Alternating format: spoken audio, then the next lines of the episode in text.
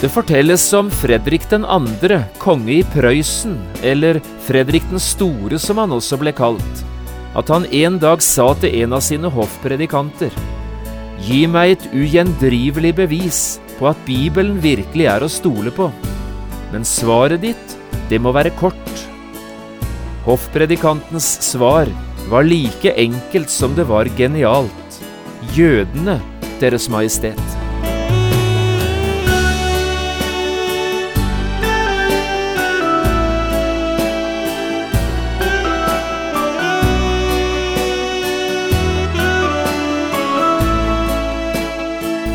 Hjertelig velkommen til et nytt program i serien Vindu mot livet. Programmet er produsert av Kristen Riksradio og blir ledet av Jon Hardang. Dette programmet er produsert med støtte fra Havila AS.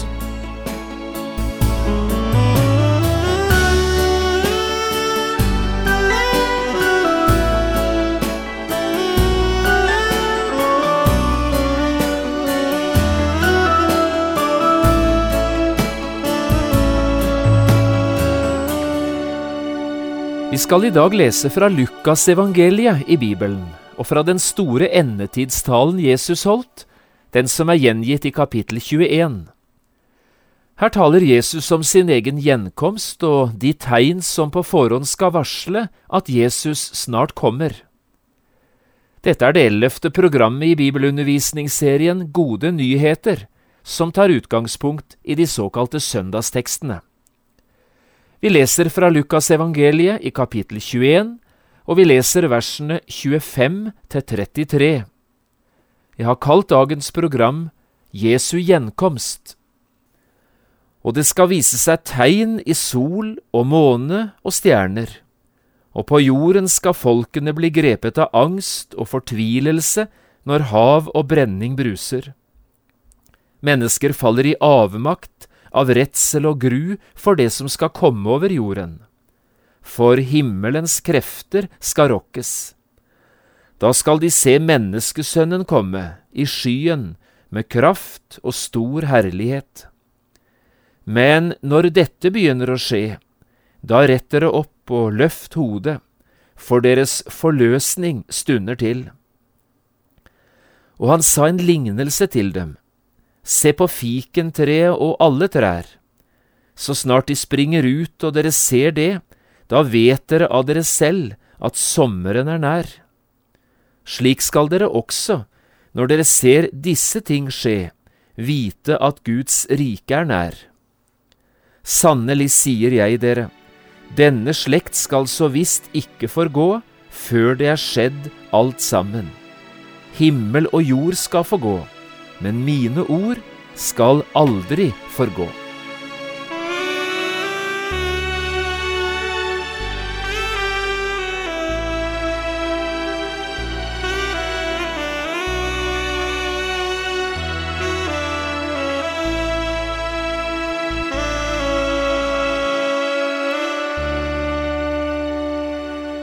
I 1928 oversatte frelsesoffiseren Henry Albert Tandberg en sang til norsk, skrevet av en ukjent engelsk forfatter.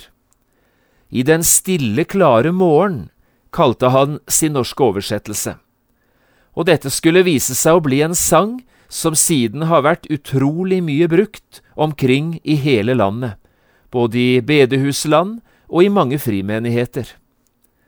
Sangen i den stille, klare morgen er en sang om Jesu gjenkomst, og det hører vi tydelig, ikke minst i det tredje, altså det siste verset i sangen, og så i koret. La meg få sitere det tredje verset for deg. Se, han kommer, han som alle verdens floker løse kan. Fredens morgen uten skyer bryter inn. Ja, han kommer, å min sjel, og setter alle ting i stand. Jeg vil lytte etter lyden av hans trinn. Og så sier han det slik i koret. Se, han kommer, Jesus kommer, fikentreet varsler sommer, vår forløsningstime kommer, jeg vil lytte etter lyden av hans trinn. Selv er jeg blitt utrolig glad i denne sangen, og jeg synger det nesten alltid med like stor glede og forventning. Det er likevel noe som er litt spesielt i denne sangteksten. Det er det bildet som går igjen i slutten av hvert vers, og som også kommer igjen i koret. Hele veien lyder det altså slik, Jeg vil lytte etter lyden av hans trinn. Dette er jo både poetisk og vakkert skrevet, og innholdsmessig sikkert helt riktig. Men hva betyr det egentlig, jeg vil lytte etter lyden av hans trinn? Hva betyr det, helt konkret? Hvordan kan du og jeg som lever i dag, lytte etter lyden av Jesu trinn? Ja, det er kanskje et spørsmål som det ikke er helt lett å svare på. Det er gjerne lettere å synge ordene enn å forstå hva vi synger om. Jeg vet ikke hvordan du har det, men selv har jeg det i alle fall ofte på den måten. Men nå skal du få høre. For noen år siden var jeg en tur i Danmark og skulle tale på den danske bevegelsen Ordet og Israels sommerstevne. Også der sang vi denne sangen som jeg nå forteller om. Men der oppdaget jeg plutselig at i Danmark har de ikke bare tre vers på denne sangen, de synger fire. Nå vil jeg gjerne sitere dette verset for deg, som de altså bruker i Danmark, men som fremdeles er helt ukjent for oss i Norge. Der synger de det som et tredje vers, altså før det siste i vår sang, og det lyder slik. Se på tegnene i verden, lytt til seierherrens skritt, Herrens dag, den store, snart skal ringes inn og så mange vannes brusen, nå et ekko toner hit, det er tonene fra seierherrens skritt. Hørte du den første setningen i dette verset? Se på tegnene i verden, lytt til seierherrens skritt. Det må altså bety, hvis du og jeg følger med i det som skjer i tiden, og særlig på det området som vi kaller for endetidstegnene, ja, da lytter vi etter lyden av hans trinn. Det er nemlig slik at når alt det begynner å skje, som Bibelen har sagt at skal skje like før Jesus kommer igjen, ja, da forstår vi jo at nå kommer Jesus snart. Jesu gjenkomst står for døren.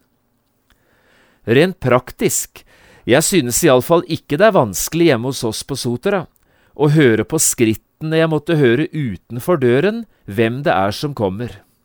Minstemannen, Daniel, han har en helt annen måte å gå på enn kona i huset. Og Daniels tre eldre brødre, de har også hver sin måte å gå på. En hører på lyden av skrittene deres, måten de går på, hvem det er som kommer. Iallfall hvis du kjenner de som er i anmarsj. Og det er akkurat slik det er, også med Jesu gjenkomst. Bibelen har sagt oss hva som skal skje før Jesus kommer. Og når vi altså ser at disse tingene begynner å skje, ja, da er det som vi hører hans fottrinn, lyden av hans trinn, som har lovet en dag å komme igjen. Du forstår hva jeg sier nå, ikke sant? Det handler om endetidstegnene, altså de tingene som varsler Jesu gjenkomst. Når jeg begynner dette programmet med å fortelle om denne sangen, så skyldes jo det at det er akkurat samme tone Jesus slår an her i sin endetidstale i Lukas 21. Hele denne talen, som fyller hele kapittel 21 i Lukasevangeliet, den handler om Jesu gjenkomst, men også om mye av det som skal skje i tiden før han kommer, altså det vi kaller for endetidstegnene. Hvis vi skal forstå det Jesus nå sier, må vi først ha svar på et viktig spørsmål. Hva er egentlig et tegn? Hva mener Bibelen når den taler om disse tegnene? Vi hørte jo Jesus si det slik i vers 25, det skal vise seg tegn i sol og måne og stjerner. Hva er et tegn? Ja, skulle jeg svare litt teoretisk på det, ville jeg si det slik. Et tegn er et synlig signal som forteller om en usynlig virkelighet. Eller for å si det på en annen måte, Et tegn er noe du kan se, som forteller deg om ting du enda ikke har sett. Jesus bruker en genial illustrasjon akkurat på dette, i begynnelsen av Matteus 16. Jeg har lyst til å lese vers 1–4. Hør nøye etter nå hva Jesus sier. Fariseerne og sadukeerne kom til Jesus, står det her, og fristet ham. De ba ham vise dem et tegn fra himmelen. Men Jesus svarte og sa til dem, Om kvelden sier dere, det blir godvær, for himmelen er rød. Og om morgenen, i dag blir det uvær, for himmelen er rød og mørk. Himmelens utseende vet dere å tyde, men tidenes tegn kan dere ikke tyde. En ond og utro slekt krever tegn, men tegn skal ikke gis dem uten Jonas-tegnet. Og han forlot dem og gikk bort. Nå kan det være mange ting å si om denne samtalen, men la meg bare få kommentere to ting. Først dette med været. Jesus snakker altså om den røde himmelen, og så sier han, dere er gode meteorologer, dere kan det der med været. Dere vet at en rød vesthimmel om kvelden, det betyr godvær i morgen. Dere vet også at en rød østhimmel på morgenen, det betyr uvær seinere på dagen. En rød himmel kan altså varsle om to vidt forskjellige ting, både uvær og godvær. Det avgjørende er hvor og når du ser den røde himmelen. Den røde himmelen er altså et tegn, noe du kan se. Været i morgen eller været senere i dag, det kan du enda ikke se, men den røde himmelen kan allerede nå fortelle deg om hvordan det blir, det du altså fremdeles ikke ser. Du forstår dette, ikke sant? Himmelens tegn kan dere tyde, sier Jesus. Dere er gode meteorologer.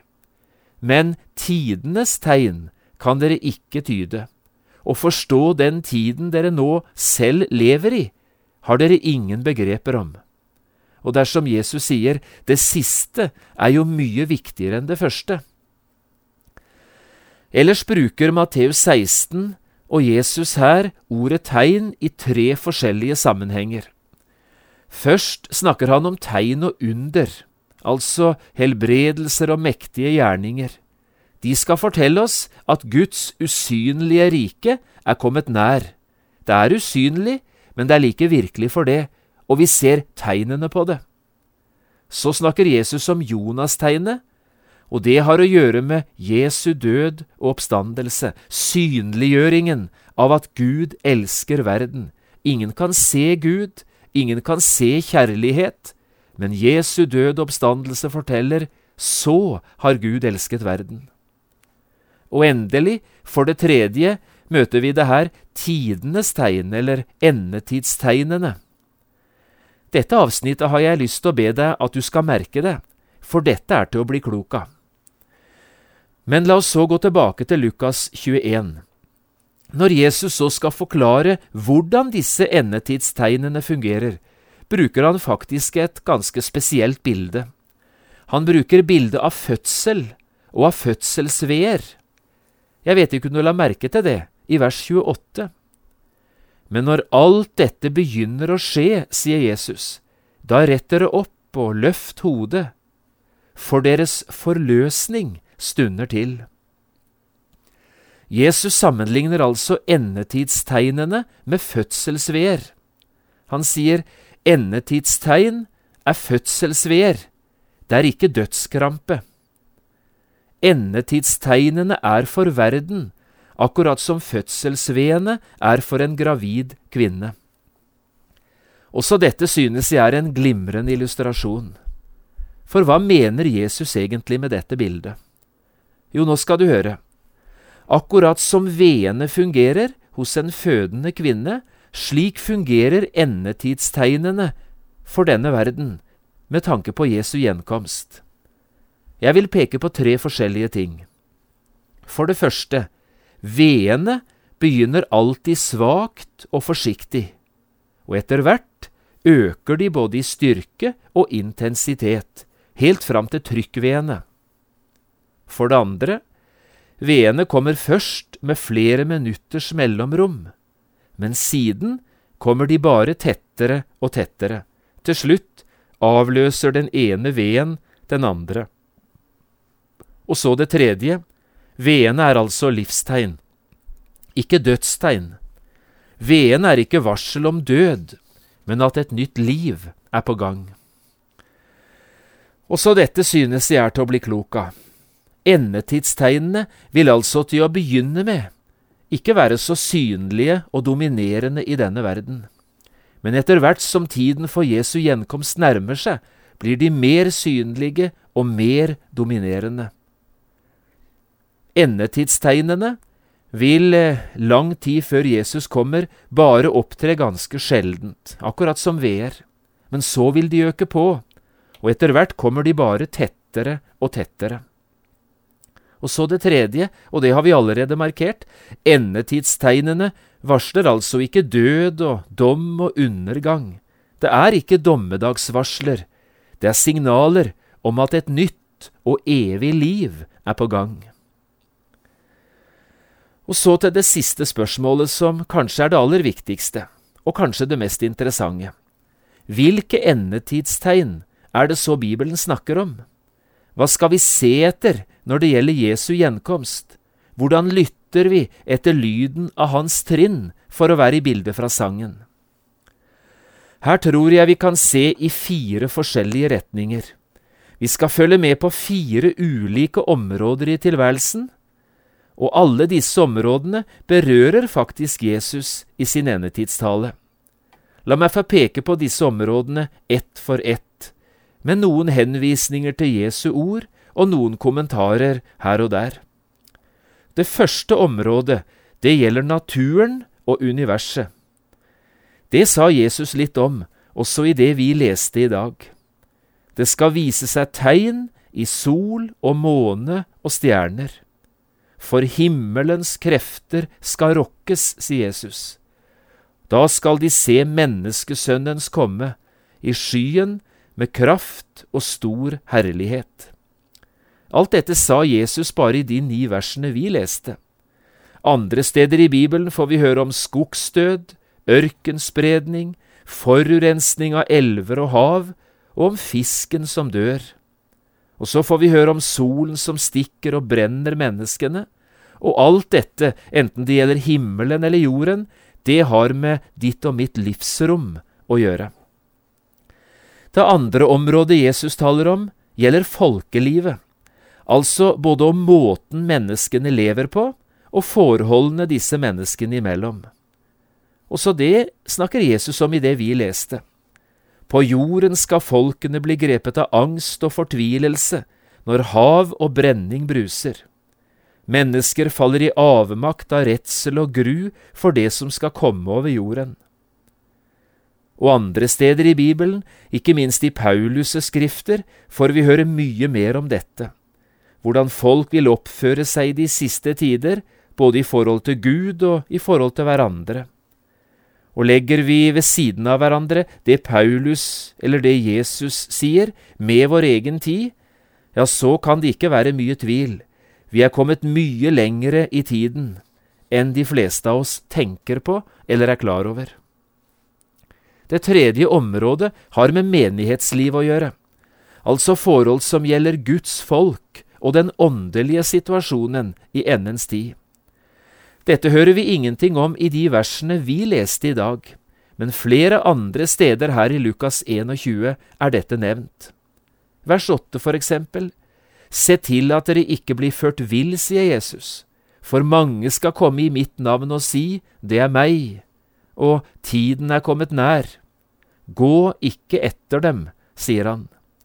Og litt senere, i vers 12–14, men før alt dette skjer, skal de legge hånd på dere og forfølge dere. De skal overgi dere til synagoger og fengsler, og dere skal føres fram for konger og landshøvdinger for mitt navns skyld. Det skal føre til at dere får avlegge vitnesbyrd. Legg dere derfor på hjertet at dere ikke forut bekymrer dere for hvordan dere skal forsvare dere. For jeg vil gi dere munn, sier Jesus, og visdom, som ingen av deres motstandere skal kunne stå seg imot eller motsi. Her handler det altså både om positive og negative ting. Forfølgelse og forførelse av Guds folk på den ene siden, men også forkynnelse og aktiv misjonsvirksomhet på den andre siden. Begge deler ser vi mye av allerede i dag, så det er bare så viktig å følge med i tiden. Vi nærmer oss nemlig målet. Og så det fjerde og siste området. Det gjelder Israel og nasjonene. Israel er som lilleviseren på Guds klokke, det viktigste tegnet som mer enn noen andre ting kan fortelle oss hvor langt vi er kommet. Se på fikentreet og alle andre trær, sier Jesus. Så snart de springer ut og dere ser det, da vet dere av dere selv at sommeren er nær. Slik skal dere også, når dere ser disse ting skje, vite at Guds rike er nær. Sannelig sier jeg dere, denne slekt skal ikke forgå før det er skjedd alt sammen. Slik leste vi det i vers 29–32.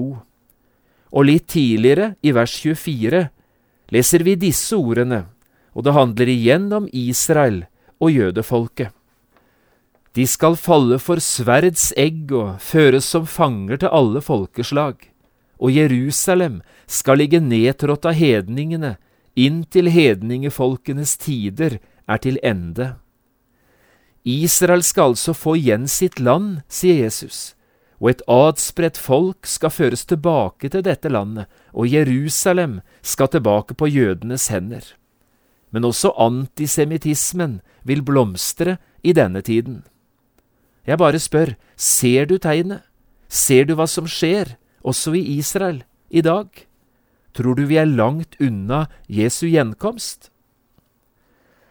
Dette var de fire områdene og i møte med alle disse fire områdene sier altså Jesus, når dette begynner å skje, da rett dere opp og løft hodet, for deres forløsning stunder til. Jesus kommer, og han kommer snart. Ja, han kan komme når som helst. Derfor er det så viktig at du og jeg følger med i tiden, følger med på endetidstegnene. Jeg vil lytte lytte etter lyden av hans trinn. Slik har vi talt om det i dag. Kan du ikke nå prøve å synge dette for deg selv, både i dag og i dager som kommer? Slik vil du minne deg selv om denne strålende begivenheten vi har i vente. Jesus kommer igjen. Jeg vil lytte etter lyden av hans trinn.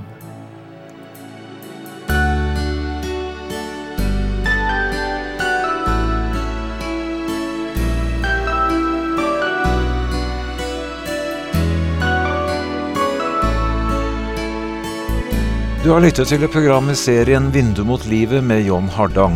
Programmene i denne serien kan også kjøpes på CD fra Kristen Riksradio, eller høres på internett på p7.no. Har du spørsmål eller kommentarer til det du nå har hørt, kan du ta kontakt med oss. Adressen er Kristen Riksradio, Skiene 2, 5353 Straume.